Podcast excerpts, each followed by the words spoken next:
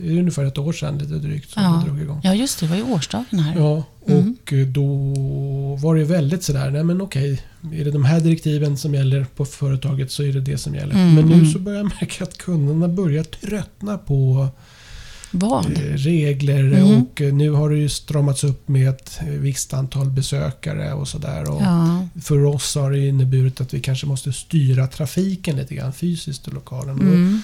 Mm. Då märker jag att alla är inte riktigt pigga på att hjälpa till utan de vill gärna hitta en egen genväg och sådär. Mhm. Men den stora majoriteten förstår ju och... För vi måste göra det här tillsammans. Alltså Mm. det är inte bara vi som företag eller du som kund som kan bestämma utan Mm. vi måste förstå att det här, så här är det. Mm. Och så får man hjälpas åt.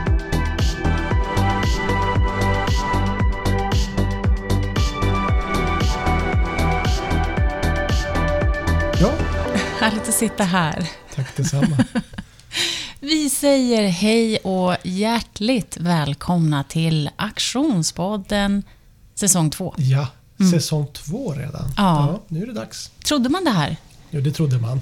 Det visste vi. Ja, vi hade åtminstone tänkt att det blir kanske åtminstone en säsong två om vi inte blir kölhalade direkt. Nej, Och det det, blev vi ju inte. har vi inte blivit, nej. Utan snarare lite klappade på. Ja, nu har vi också lärt oss. Och när jag säger vi så menar jag jag har lärt mig de värsta tabbarna. Så att förhoppningsvis går det här lite mer smooth. Men eh, vi är tillbaka, sitter i våra stolar, samma stolar som tidigare. Mm, Och- på det hela taget. Ja, eh, sitter i samma miljö också på Metropolaktioner här på Sveavägen. Mm. Så det, saker är som vanligt och sen så är det vissa saker som kommer att vara förändrade också. Vi kommer att, eh, att komma ut varannan vecka nu. Just det, det är ju en liten förändring. Ja. Mm. Jo, men det blir väl, jag tror att det blir mer lagom. Så hetsar vi inte lyssnarna allt för mycket. Man måste få tid att lyssna klart. Och sen kommer ett nytt avsnitt. Exakt, och det är Mm. bra att hålla lite grann på, på godiset där så att man hinner smälta det från, från gång till annan. Men det är väl den stora förändringen. Ja, det är väl den enda förändringen. Och sen är resten bara kosmetika. Men eh, ska vi ta en liten eh, bara recap och berätta vad det här är för en podd? Och vilka vi är? Oj, Snabbt. ja, kan inte du ta det då? Ja, men då gör jag det. Jag heter Anita MTN och eh, jag har den här podden tillsammans med dig. Janni Andersson heter jag. Ja. jag, tro- jag trodde du skulle ta hela biten där. Faktiskt. Nej. Ja, ja, ja, nej men det är jag. Det här är jag. Och jag gör den här podden tillsammans med dig. Och vi, vi pratar om aktioner. Ja, Och vi är både tipsiga och det kommer eh, råd och rön och eh, det är högt och lågt men det är någon slags... Det ska vara lite lättsamt och trevligt. Och Ja. kanske lär man sig något nytt. ja, Så är väl tanken. Va? precis. Och det är både för dig som är oerhört intresserad. Alltså precis har upptäckt aktion kanske. Mm, Ska vi redan på det här stadiet bjuda in och säga att har man några som helst frågor eller man Mm. saknar någonting. Tveka inte att eh, höra av dig så tar vi med oss det. Verkligen. Det är ju alltid roligt med lite feedback. Det vill vi ha. Vi trivs med det. Ja. Ska vi köra en liten kort recap då? Vad har hänt sen sist? Sen vi spelade in säsong ett, ett år som var lite konstigt på grund av pandemin då. Mm. NOA-ordet heter det va? Man vill hitta på olika eh, allt för att slippa säga det där. Men i alla fall. Ja. Och, eh, det var ju ett spännande år. Intressant, läskigt, tråkigt. Eh, men det, det, för våran bransch så var det, det var mycket, det var mycket tryck. Dels kom det nog in nya kunder som upptäckte det här som satt hemma och jobbade. Så att vi hade fullt ös in i det sista på förra året. Mm. Och det var ju intressant Mm. och kul förstås. Men ö- man får ju vara väldigt ödmjuk inför det också samtidigt. Medan då i år så märker jag att nu börjar folk tröttna på det där alltså. Jag Ja. märker det. För alla kunder och alla möjliga människor var väldigt hjälpsamma tycker jag under förra året. Det är ungefär ett år sedan lite drygt som Ja. det drog igång. ja, just det. Det var ju årsdagen här. Ja, Mm. och då var det väldigt sådär, nej men okej, är det de här direktiven som gäller på företaget så är det det som gäller. Mm, Men nu mm. så börjar jag märka att kunderna börjar tröttna på Vad? eh, regler Mm. och eh, nu har det ju stramats upp med ett eh, visst antal besökare och sådär. Ja. För oss har det inneburit att vi kanske måste styra trafiken lite grann fysiskt i lokalen. Mm. Då märker jag att alla är inte riktigt pigga på att hjälpa till utan de vill gärna hitta en egen genväg och sådär. Mhm. Men den stora majoriteten förstår ju och... För vi måste ju göra det här tillsammans. Alltså Mm. det är inte bara vi som företag eller du som kund som kan bestämma utan Mm. måste Mm. förstå att det här, så här är det. Mm. Och så får man hjälpas åt. Ja, och hur länge kommer det här att vara? Jag tänker att även om det inte kommer att vara exakt så här så kommer nog saker och ting att förändras. Ja, jo alltså också lite nöden är, vad heter, vad heter det då? Nöden är uppfinningens moder. Ja. Vi har ju förbättrat många processer här som vi säkert kommer att behålla för att det är praktiskt. Mm, och, mm. Alltså en slags utökad service. Mm, Och, och så kan man skippa de här jobbiga begränsningarna bara sen. mm. När det nu är, är dags för det. Ja. Men om man blickar framåt då? Vad, vad, alltså vi behöver inte titta så långt fram, Nej. men en, vad ligger just nu i, i den här berömda pipen? Pipen, eh, där ligger det just nu ligger det eh, ett tema Mm, som vi har jobbat med under hela våren. just det. Och det är grafik. Och det grafik har vi ju pratat om. Mm. Så det hade jag i tanken här när vi höll på bygget. Så att det här har ju Anita och jag pratat om i podden. Ja, Så den ska vi gå ner och kika på om en stund tycker Ja. jag. Och eh, det är massor med häftiga grejer faktiskt. Mm. Så det ska bli lite kul. Jag ska visa dig mina favoriter. just det. Och sen så håller jag på med... Ja, men vi kikar lite på också andra teman som kommer här under vår och eh, sommar kan man säga. Så det är väl ungefär vad jag ligger i, i min horisont. Så att säga. Ja, ja men det är fint. Eh, jag tänkte att vi faktiskt direkt ska hoppa på vårt första ämne eller tema som vi har. Alltså den här delen med veckans fråga. Fasta moment heter det Ett va? fast moment heter det alltså. Eh, det är en eh, som vill veta följande. Shoot. Jag och min man har köpt ett hus fullt med grejer. Vi har redan röjt, men hur vet vi om vi ska spara något? Jag får panik. Ja, den där panikkänslan kan jag... Den Ja. kan man känna igen. Ja. Eller hur? det kan man bara känna hemma hos sig själv och deras egna grejer. Ja, ja. Ja, nej men det där händer ibland att eh, det ringer in någon som har köpt ett fritidshus eller till och med permanentboende Mm. och av en eller annan anledning så är det liksom det är ett kvar en otrolig mängd grejer som man inte vill kan behålla. Liksom, för man vill ju bo där med sina egna saker. Men alltså som följer med huset? Ja, nej, men det kan vara att man har... Nej, men inte jättevanligt alls. Nej. Men det är kanske någon gång om året åtminstone. Så Mm. någon som eh, har köpt... Ofta är, upplever jag att det är ett gammalt fritidshus eller liknande som sen blir kanske en permanentbostad eller Mm. motsvarande. Och då är det, om inte i huset så finns det i ladorna och eller på vinden och så vidare fullt med Ah, just det. grejer. Och, eh, och då är det liksom mer eller mindre. Och då tycker jag att som svar till, till där då så skulle jag säga att eh, det kan vara klokt att på ett ganska tidigt stadium höra av sig till till exempel ett auktionshus. Så att en eh, duktig värderingsman kan komma ut och titta Mm. och vara med och bara göra en grovsortering. Och, och, bara, och man kan själv ha gjort en egen grovsortering men det kan vara ändå bra att det kommer ut någon och, och tittar på den där. För vi, det har hänt mer än en gång. Mm. Att det vi har kommit ut för att titta på som man tror är värt någonting. Det eh, var inte så mycket. Och sen så frågar vi, kan vi få titta även i den här sophögen? Mhm, Och då, och, eh, typ. Mm. Och, och då är det där, där finns det grejer. Ja. För att vår eh, uppfattning, trots att man känner att Nej, men jag kan det här. Mm, mm, Så kan den liksom vara, ha, den kan vara lite sned. mm. Så att, det- och det kostar normalt ingenting och det går ju liksom, vi behöver inte göra ett jätteprotokoll utan det räcker ju att vi kommer ut. Och, och vi tycker ju att våran roll i, i världen ska vara att man är rådgivare. Så Mm. sen får du fatta ditt beslut. Eh, Men eh, du ska åtminstone få ett eh, tips och råd på vägen. Och sen kan man liksom lite längre fram om det då det framgår att nej, men de här grejerna vill vi bli, bli av med och de verkar säljbara. Då kan man Mm. göra lite mera regelrätt värdering av dem. Just det. Men det här med att man får panik, hur vanligt är det? Nej, men är inte det ganska... Det upplever jag är...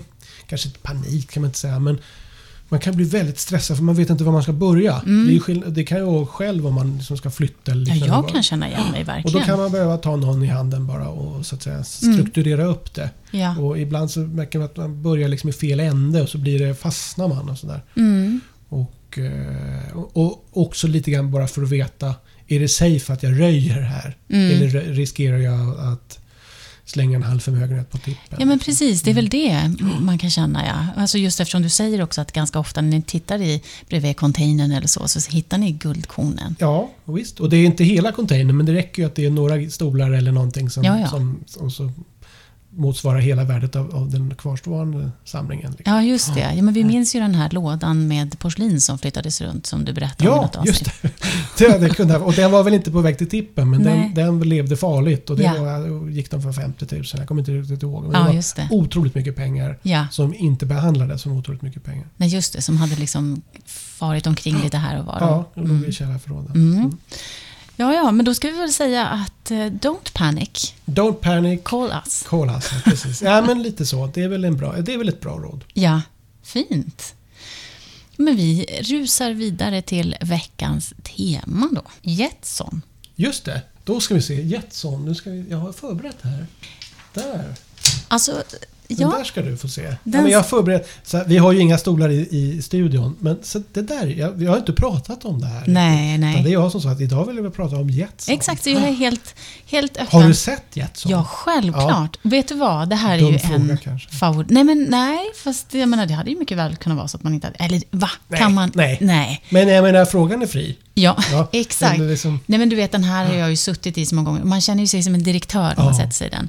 Eller någonting annat. Det är lite så här Dallas-varning på den. Lite Ja, man är lite kunglig nästan på något slag. Eller Exakt. liksom lite, Och så är den ändå så bekväm med den där eh, lilla huvudkudden som det är så som många bak. detaljer på den där som gör att det är helheten som gör att, eh, att man gillar den där. Och Mm. inte minst huvudkudden. Nej, den är ju För underbar. utan huvud, alltså, bortsett från att den är så läcker, Mm. så hade den inte varit lika bekväm utan den där. Nej. Och då hade man behövt trycka dit någon egen liten kudde. Ja. Och, och det hade inte riktigt varit Nej. Bruno Mattsson Jetson. Liksom. Men du, jag kan säga att gamingstolar, alltså Ja, sådana som barn det. sitter och spelar i Ja. idag, är barn och unga och Ja, vuxna. unga vuxna har ju upp till där. 35, 40, 45.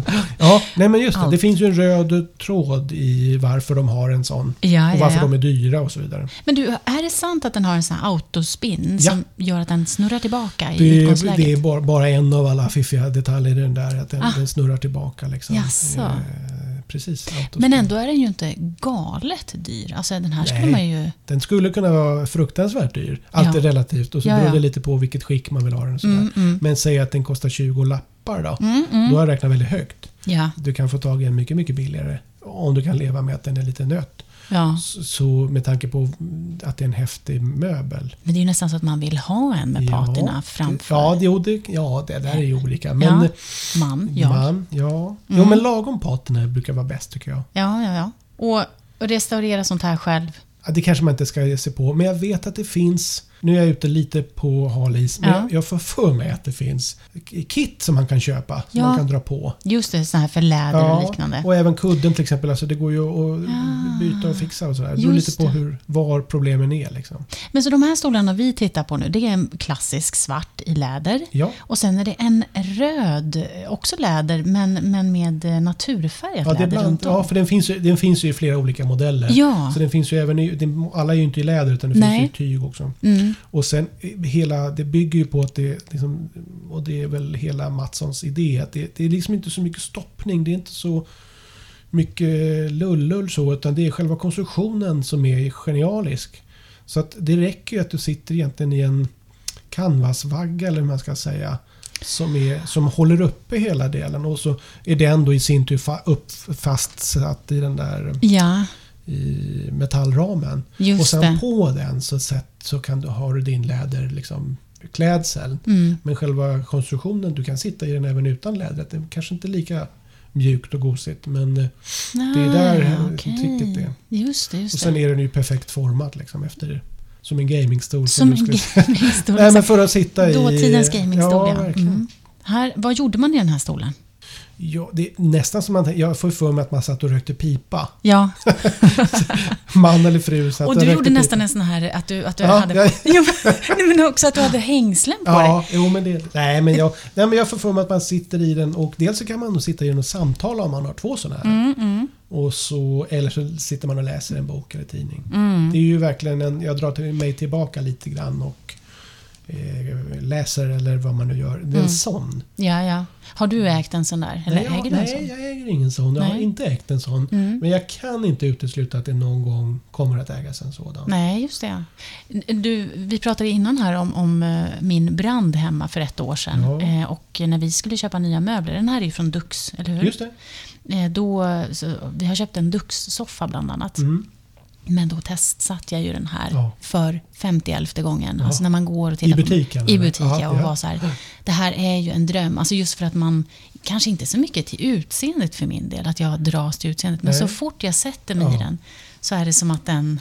Ja, men den omfamnar en på Ja, något sätt som gör exakt. att man känner sig trygg. Det här låter ju jättebubbligt att säga, men alltså bra design gör ju lite Ja, det. det är lite bubbligt. Men det är ju är det någon gång, det är några, och vi kommer säkert under den här poddens livstid gå igenom några sådana Ja, ikoner. ja, Och de, många av de där är ju svenska faktiskt. Så Mm. det hänger väl ihop lite att vi bo, har ju kombinerat både form och eh, eh, funktion. mm, mm. Och eh, komfort inte minst. Och, Mm. att, och att man liksom inte har gjort avkall på varken det ena eller det andra. Utan det där har gift sig rätt så bra. Men är det så att vi i Norden är speciellt bra på det? För jag tänker, det är ju även dansk design och kanske inte norsk så Ja, mycket, men finsk design också. Jo, men, men jag tänker så här jag, när jag tänker på den danska designen så kanske jag inte främst tänker att de är bekväma att sitta i. De är bara asläckra. Ja, ja, ja. Men när jag tänker på Lamino eller, eller det här Mm. så sitter man som... eh, Man ligger och sitter väldigt skönt i de Mm, där. mm. Och där så tror jag att det är min åsikt.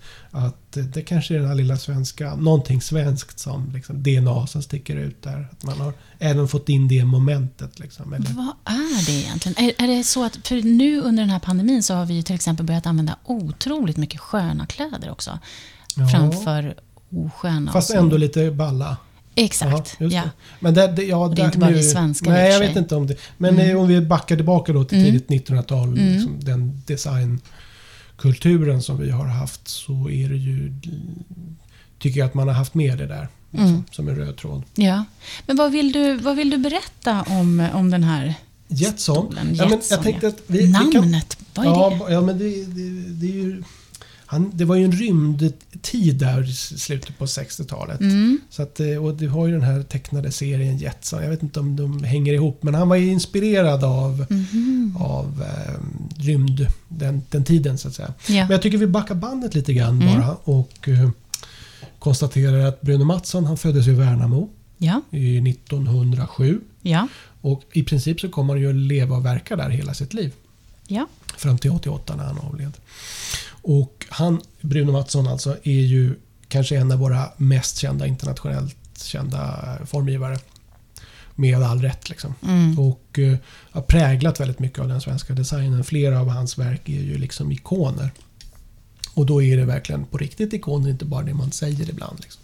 Mm. Men han, eh, det var inte en slump att Mattsson blev eh, den han blev utan hans pappa Karl Mattsson var snickarmästare i fjärde generationen. Och, eh, och mycket på många av de här möblerna så sitter det också så här Karl Mattsson och Söner och så här stämpel. Mm. Sen så har han jobbat ihop med Dux till exempel. Mm. Och Bruno Mattsson International sen då. Som Mm. och, eh, men Bruno han fick lära sig det här jobbet från grunden. Och han blev alltså tekniskt väldigt kunnig i, i trä, träsnitteri, jag på att säga, men eh, träteknik kan man Mm. säga, hur man konstruerar möbler. Och Mm. också en, liksom en känsla för vad man ska göra, vad man inte ska göra, vad man kan och inte kan och så vidare. Mm. Men det var ju mest klassiska möbler som man Mm. jobbade med där då. Och, eh, och det här är 20-30-tal, det är tidigt 1900-tal och eh, det är en brytningstid ju. Och då som man alltid med junior då så slår han sig fri. Mm. Och han tycker inte att det där räcker för honom utan han vill göra någonting annat. Fast ändå inom ramarna för, för liksom, verksamheten. Mm. Så att han, och, och där någonstans, eh, då hade också funktionalismen kommit. Och den har vi nog pratat om någon gång Mm. tidigare. Va? Att eh, man gör avkall på massa rysch-pysch och så fokuserar man på funktion. Och, Ja. liksom. Ja. och, eh, och, så, att- och det ägnar han sig åt självstudier. Liksom. Han hittade bland annat, han är ju från Värnamo, så, men i Göteborg så finns det ju då Röska eh, museet. Mm. Och där kunde han eh, eh, låna böcker och litteratur och sådär. Och eh, en masse liksom, för att fokusera på det här. Mm. Så det var vad han gjorde och han blev eh, vän med dåvarande museichefen som kommer bli en viktig person. Mm.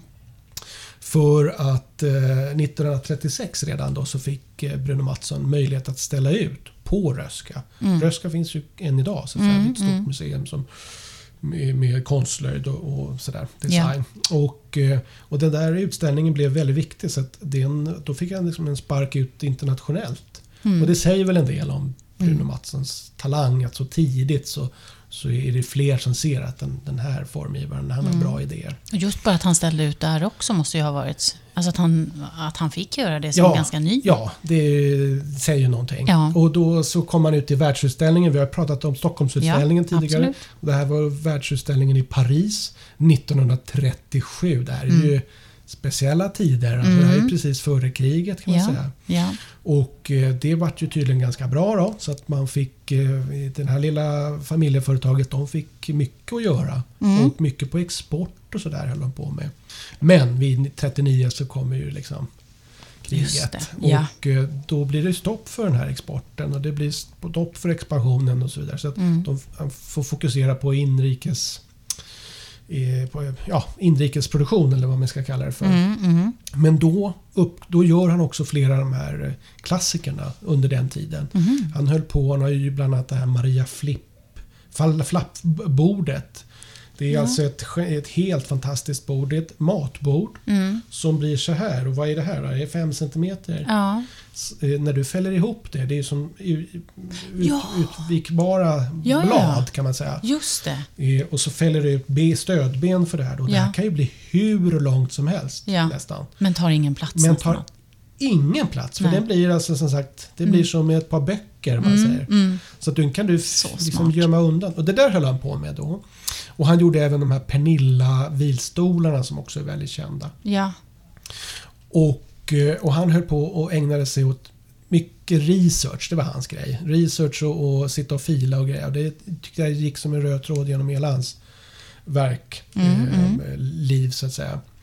Och eh, bland annat så har jag hört talas om att han satt i en snödriva. Mhm. För att göra en avgjutning kan vi säga efter den perfekta sittkurvan. Alltså hur ser det ut när en människa sitter? Ja. Och den tog han med sig sen då för att hitta. Och jag tycker att jag ser det där i bland annat i Pernilla och de där. Att Mm. det, som vi precis pratade om, att det är inte en slump att man sitter sådär. Och det är nästan, man kan nästan se här på Jetson att det är, det är som att man har satt sig i en snödriva och Mm. sen har någon dragit ut dig därifrån. Ja. Och så har han liksom format, Mm. skulpterat stolen efter, efter det. Klokt så. Ja men det är ganska, ganska häftigt. Jag, Ja. jag vet inte om det är sant men jag, jag tror att det är belagt faktiskt. Så att Men du, får jag bara fråga Ja, om det här med fråga. Pernilla. Ja. Vad, vad, vad då en, en journalist? Är den döpt efter en journalist? Det är- Ja, just det. Eh, Pernilla är döpt efter en journalist. Det är en journalist. Ja. Eh, vad kan hon heta? Hon heter Thunberger. Hon gjorde en intervju med honom. ja, hon måste ha gjort ett himla intryck. Eller vad? Ja, ja precis. Och, det kanske var en av anledningarna till att hans fru Karin fick en stol döpt efter sig. Men det Ja. är på dukstiden. Åh, Okej, men men eh, eh, nåväl. så var det. Ja, precis. Mhm. Och det här var, vad sa vi, runt 40, 40 43 då. Kom Mm, de här. mm. Och sen på eh, f- eh, slutet på 50-talet så Mm. mötte han den danska eh, matematikern Piet Hein. Mm. Piet Hein, han hade ju kommit på superellipsen. Ja, min favorit. Och den, den, och den, ja, och den hade ju kommit fram, alltså man ville ha den perfekta cirkulationsplatsen vid Sergels torg. Mhm. Känner du till den här historien? Jag vet inte. Sergels torg som man kan säga mycket om här Mm, i Stockholm. Där så, och jag tittade på det här senast igår faktiskt Mm. när jag råkade passera där. Att det, är- det är runt den här obelisken. Mm. För att bilarna ska kunna snurra så Ja. effektivt som möjligt så hade man någon slags krav. Och Pete Hein hade den lö- perfekta lösningen på det här. Mm. Att man vill inte ha en vanlig rondell som är rund utan du, vill inte ha, du kan inte ha en fyrkantig. Så. Nej. Så då var superellipsen svaret på det där. Ah. Och, det var, och alla säger tydligen att det där är genialiskt. Mm. Bruno Mattsson tyckte också att herregud, den här eh, formen den passar ju perfekt på, på ett bord. Mm. Och det stämmer ju. Varför gör den det Nej, egentligen? men Nu ett runt bord är, Ja. har ju begränsningar. Ja. Det blir liksom lite litet. Mm, mm. Eh, Medan ett eh, mera eh, fyrkantigt eller rakt bord har också begränsningar vad gäller kanter och liknande. Mm. Men ett superellipsbord har ju inga kanter egentligen. Nej. Så att det blir lite mera inbjudande. Du kan dels klämma in fler människor runt dig. Yes. Men det blir också lite mjukare. Ja. Så att och det finns säkert en yteffektivitet där kontra Mm, mm. sådär. Det-. Det är ganska häftigt när man Mm. börjar titta på det rent eh, matematiskt. Och, och Pete Hein och eh, Bruno Matsen de kom dels då med den här superellipsbordet men Mm. de också på med de här klämbenen som är som hör till superellipsbordet. Och det är Mm. såna här stålrörsben som man klämmer fast. Och de där benen idag är nästan mer värda än själva bordsskivorna. Ja. För att de är så efterfrågade och så praktiska. ja. För de gör ju också att det ser ut som att bordsskivan svävar.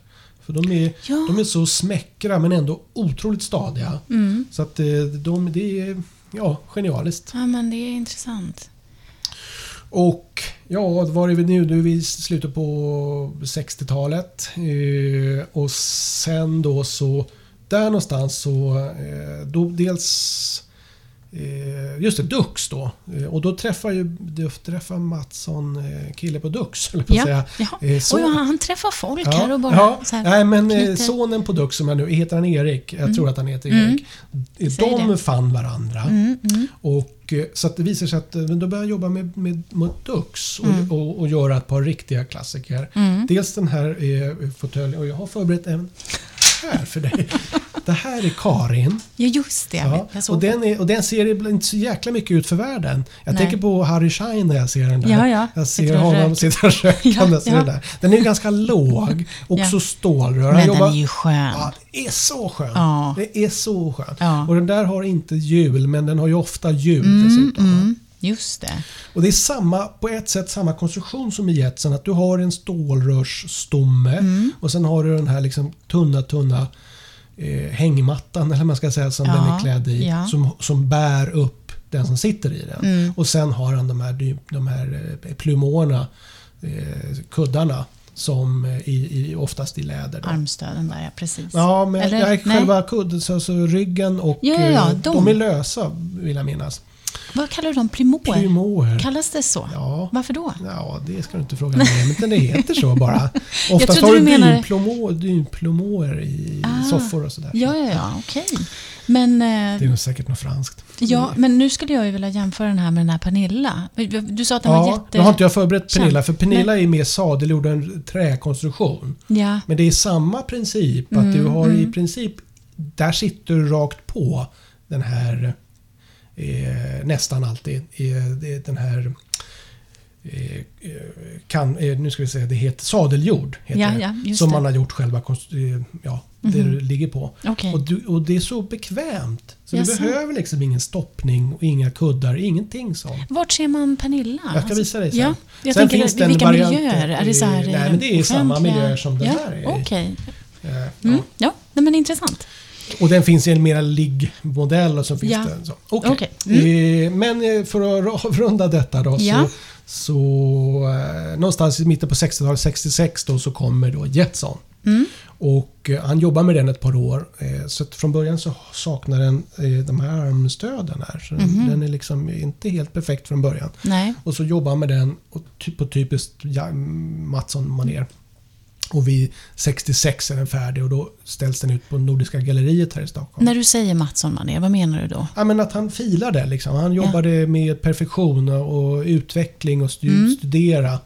Och det gjorde han ju liksom rakt av. Så flera av de här kom ju liksom med förbättrade varianter. Mm, mm.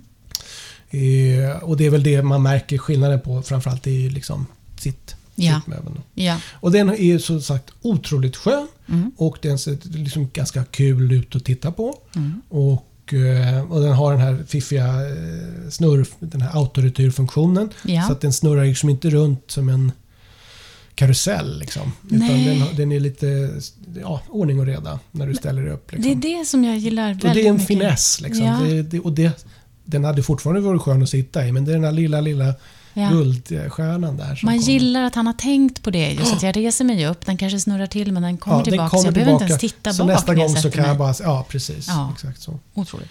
Och den finns ju lite olika varianter. Väldigt, det som man vill ha generellt är ju de här läderklädda och Mm. helst i hyggligt fräscht eh, läder så att man bara kan ta hem den och sitta i den. Mm. Men den finns som sagt i lite andra varianter. Mm. Och, eh, och när vi har den på utställning så kan du göra då, det, det går inte förbi många utan att kommentera den. Så Nej. det är en sån där som bara drar till sig Ja. människor. Har ni någon här nu?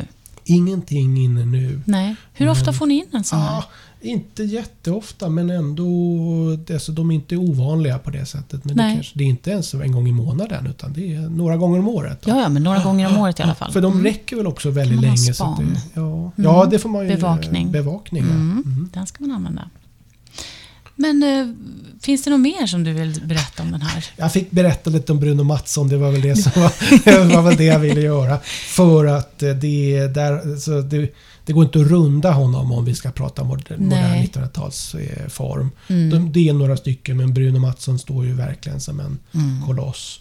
Och då är ju eh, Jetson eh, en klassiker. Ja. Men du har också du har Pernilla och sen Ja. har du Karin och, och ju- Du vet, vi hade kunnat, men Ja. någonstans, det här var ett Mm. försök att begränsa sig och Ja, det var gick ändå inte. Jättebra tycker jag. En applåd. Nej, men för jag tycker... Nu försöker, nu försöker du vara snäll. Nej, nej faktiskt. Men jag tänker att vi kan ju för, göra så att vi också skjuter på... Alltså att vi, på framtiden så kommer vi... Vi kommer att hålla Vi kommer säkert tillbaka avsnitt. till eh, Precis. ämnet. Ja. För vi kommer ju att behöva ha de här två timmars avsnitten. Nej, jag skojar bara. Men du vet, de som ändå handlar, där vi går lite djupare in i det hela. Ja, alltså om, man, om, vi inte, om vi hoppar över allting annat och så Mm. får man välja om man vill lyssna eller inte. Så går det säkert att, att babbla på två timmar om Bruno Mattsson och Just två timmar om respektive möbel. Och gärna med någon superexpert på det. Just det. För att det är så intressant. Man skulle ju också kunna plocka in en psykolog som får prata om varför. Ja, just. Vi är där igen. Vi är där igen. Ja. Men för jag kan ju läsa in ett triangeldrama här Jaha. ändå. Ja, du tänker på... Nej, nej, jag tror inte att det var så farligt faktiskt. Nej, Nej. okej. Jag är ledsen om jag gjorde besviken. Ja, nej, det var ju tråkigt. Ja, ja. Men vi är mycket tacksamma för den här genomgången av Bruno Mattsson och Dux och eh, de här fina möblerna.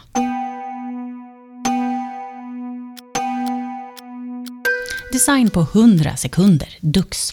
Dux är ett svenskt familjeföretag i fjärde generationen som utvecklar, tillverkar och säljer möbler och sängar. Företaget grundades i Malmö 1926 av Efraim Ljung och huvudkontoret ligger där än idag. Det var år 1924 som den svenska chokladfabrikören Efraim Ljung befann sig på en affärsresa i Chicago. Och efter en lång dag fylld av möten checkade han in på ett oansenligt men trivsamt hotell i den stora staden. Efraim som led av reumatism vaknade pigg och utvilad för första gången på många år. Hur kan en säng vara så skön, frågade han sig. Nyfiket tog han fram sin pennkniv och sprättade upp tyget på madrassen och inuti fann han att sängen var konstruerad av fjädrande stålspiraler. Han sydde ihop tyget igen och begav sig hem till Malmö. Tanken på den där fjädrande sängen och den goda nattsömnen kunde han dock inte släppa och kort efter att han hade återvänt till Malmö övergav han sin verksamhet inom konfektyrbranschen och började experimentera med fjädrande stålspiraler av olika styrka och spänstighet. Två år senare, 1926, grundade han alltså Dux och lanserade den första Dux-sängen. Efraims son Erik Ljung tog arvet vidare och etablerade Dux som möbeltillverkare. Erik hyste ett särskilt intresse för ergonomi och förfinade sin fars spiralkonstruktion så att den gick att anpassa till optimal sittkomfort. Dux har tillverkat möbler ibland annat Sösala i norra Skåne sedan början av 1940-talet. Det var Erik Ljung som såg till att Dux en gång i tiden hamnade i Sösala när han fick tag på en fabrik som var till salu. Intresset för sittandets mekanik delade Erik med den svenske formgivaren Bruno Mattsson som kom att bli en nära vän och samarbetspartner. Deras vänskap och kreativa samarbete ledde till att Dux fick producera Mattsson-möbler. Under 1960 och 70-talen gav Bruno Mattsson och Dux Eh, deras samarbete upphov till flera tidlösa designklassiker. Några av de mest populära Duxmöblerna än idag är som sagt fåtöljerna Jetson, Karin och Super Spider. Eh, Vi går vidare och Till saken heter det momentet. Exakt, va? Det momentet heter till saken. Vi måste skapa en jingel till saken. Nej men nu går vi väl ut på visningen och uh, jagar rätt på varsin grej. Tittar runt och så hittar vi någonting som du gillar och som jag gillar och så pratar vi om det. Men helt enkelt till saken.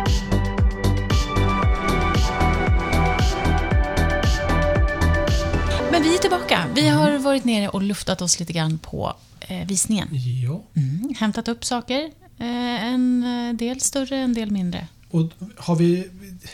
Om vi har nya lyssnare så kanske de inte riktigt förstår vad det här handlar om. Nej, precis. Och då har vi ju bestämt att eftersom vi är i en auktionslokal, det är Idag är ju första visningsdagen för den här visningen. Mm. För en online-auktion som avslutas på måndag. Mm. Då har vi fått en egen liten sneak peek eh, på den här visningen och gått Mm. runt och tittat.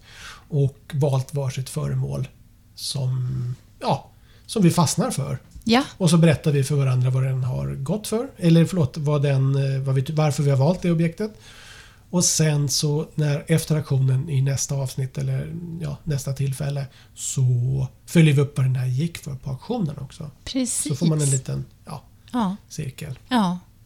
Eh, Vem börjar? Jag, jag Du kan börja. Ah, Okej. Du ska alltid att jag börjar och så vill jag att damerna först. Ja, så då, det blir det. Ja, okej. Mm. Men då, då kör jag. Och jag har valt den här vasen. Den är avlång. Jag skulle säga att jag skulle vilja ha tulpaner i den. Men den är en avlång sak med, som är gråbrun i tonen av lera. Ganska så här grov. Ja, den ena halvan där är ju grov. Precis. Ja. Och sen så är den då Glaserad. glaserad, Glaserad, precis, ja. med eh, vitt eh, mot det här bruna. Ja. Och det är blad. Ja.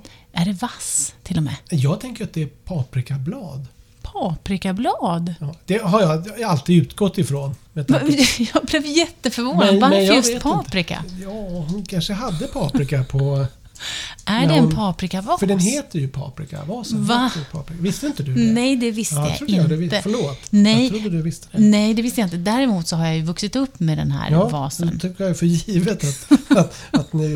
Akta, akta min paprikavas. Nej, nej, absolut inte. Den här såg nämligen ut som... För min, min mamma brukade... Eller hon gick på keramikkurser och tyckte om att dreja Ja. och så. Och glasera saker. Och eh, det- här såg ut som, som någonting som hon skulle ha kunnat göra, om man säger så. Alltså att jag, i mina, med mina barnögon, Ja. så såg det ut som så här. Jag vet inte om Anna-Lisa Thomsson känner, känner likadant. Tänkte du på eh, om den var lika... Var den större den som ni hade? Nej, den var mindre. Ännu mindre? Den var mindre än den här. Ja. Ja. För den här som vi har är medium skulle jag säga. Sen finns den i... i den här är ungefär 40 cm som vi har. Ja. Som du har valt. Och sen finns det en rackare som är... Ja, vad kan det vara? Den är 50 lite drygt. 52 cm tror jag. Ja. Så den är mycket, mycket större. Ja, den är ja. så här någonting. Just det. Så det är mer som en golvvas. Det här Mm. är mer som en vanlig vas. Och sen finns den lite, ännu lite mindre. Oftast är den lite bullig så här i botten. Ja. Eh, och sen finns den också som ett fat. Alltså paprika, den serien. Ja, ja, ja. Finns det som ett fat med en stor den här, Mm. så att säga, blomman i mitten. Mm, eller så mm. bladen i mitten. Och den, här vita är ju vanligast. Men sen finns det en rackare i grönt också som är to Mm. die for. Jaså, ja, den... den... är så fin.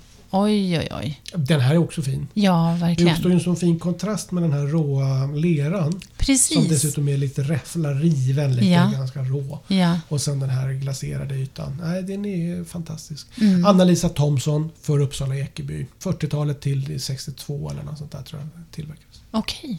Men paprika, jag har svårt att smälta det. Alltså. Men det är det är ju Ja, vi får kanske kolla det här till Mm, nästa gång. Ja, Hur paprikablad ser ut och om jag har helt galet. Men det, det, så har jag fått för mig att det är. ja, men det låter ju ganska rimligt. ja, Faktiskt. Men allt som är rimligt är inte alltid konstnärligt. eh, Liksom. Det är, inte, det är inte lika roligt, men ja. Nej, Nej, men de här är, din är jättefin. Kul, ja. Jag Ja. förstår att du valde den. Ja, den vill jag ha fortfarande. Det förstår jag. Ja. Och då, vad har jag valt Ja, då? vad har du valt? Eh, Jag har valt en tavla. Vad har du där under ja? Ja, precis. Det är en fågel. Ja, Eh, Jag tyckte den här var, jag såg den här eh, på visningen och tänkte jag den här, den tilltalade mig på något sätt. Det är Sylvelis Jovius för Rörstrand. mm. Och den är så, den är lite enkel. Det är, liksom, det är en fågel bara. Mm, Och även här har vi ju faktiskt, eh, det är lite intressant. Vi visste ju inte vad vi skulle välja. nej, Men eh, så att eh, även här har du lite glaserat och oglaserat. Och lite den här Mm. räfflade ytan Mm. kontra att det är blankt och fint. Och sen är det två eh, brudar som har formgett. Det är Ja, två det, det. Inte för att det är viktigt men det, det finns en röd tråd här. Alltså i också Ah. material, man leker lite och så. Ja, ja, ja, men undrar hur Det- kommer sig att vi gjorde så? Det är nog bara Slump? slumpen, Ja, slumpen, slumpen. ja, ja. Men jag gillar den här fågeln och den är... Ja, men jag blir lite nyfiken på de olika delarna av den. här. Just det. Och så får vi se vad den kostar på auktion. Ja, det kommer också bli intressant. Ja. Men jag sa ju det till dig, att jag, det, det, ser ut som att jag har... Sett den där? Ja. Ja. Men du trodde det var kanske Lisa Larsson? Ja, alltså eh, den påminner, för det är ju en stiliserad fågel i, Mm. i profil det här. Och vi lägger ju ut bilder på det här förresten på eh, sociala medier, Ja. Facebook och Instagram. Och, sådär. Och så att, annars blir det kanske lite tråkigt får jag höra vad vi babblar om. Ja. Men eh, den påminner lite, eh, Lisa Larsson har ju dels eh, flera eh, plattorna väggreliefer Ja. som är antagligen mycket, mycket, mycket vanligare än den här. Mm. Så att sannolikheten att du har träffat på en sån är ju större då. Och sen har den även den här fyrkanten som heter Unik. Mm. Och där har du också fåglar lite i relief. Så. Ja, Okej, det är nog hos farmor jag har ja, sett det här. För det- hon hade mycket Lisa Ja, Larsson. men då, jag gissar att det är en sån. Lisa, den här som lyfter Ja, en karl. Mm. Fa- Familjedebatten, vad heter den då? Samhällsdebatten heter mhm. det. Ja, nu ska vi inte dra iväg Nej, åt det hållet. Men eh, jag tyckte om den här. Ja, Så får vi se. så får vi se vart de landar. Ja. Och det tar vi ju om två veckor, kommer ni få det. veta det. Ja. Då börjar vi närma oss slutet på den här, eh, på det här, på den här historien. Första avsnittet. Ja, precis. Härligt. Ja. Men eh, vi har klarat det även denna gång. Det har vi gjort. Då ska vi berätta lite grann om hur man, hur man ska göra för att få tag på oss. Man Eller, kan mejla på Mhm. respons mm, eh, på, snabel mm, aktionspodden.se. ja, Där är det folk som mejlar. Ja. Och sedan så har vi på Facebook och på Instagram sök på Aktionspodden. ja, Det var väl det hela. det var det hela. Ja, hör Och- gärna av er. Ja, vi har ju också en hemsida. Och aktionspodden.se Ja. såklart. Exakt. Men hör av er, för eh, vi, vi tycker om att få era frågor och tankar kring... eh, Det är roligt. Det ser Ja. vi fram emot. Mm. Men eh, trevlig lyssning. Tack för den här gången. Tack och hej! Hej!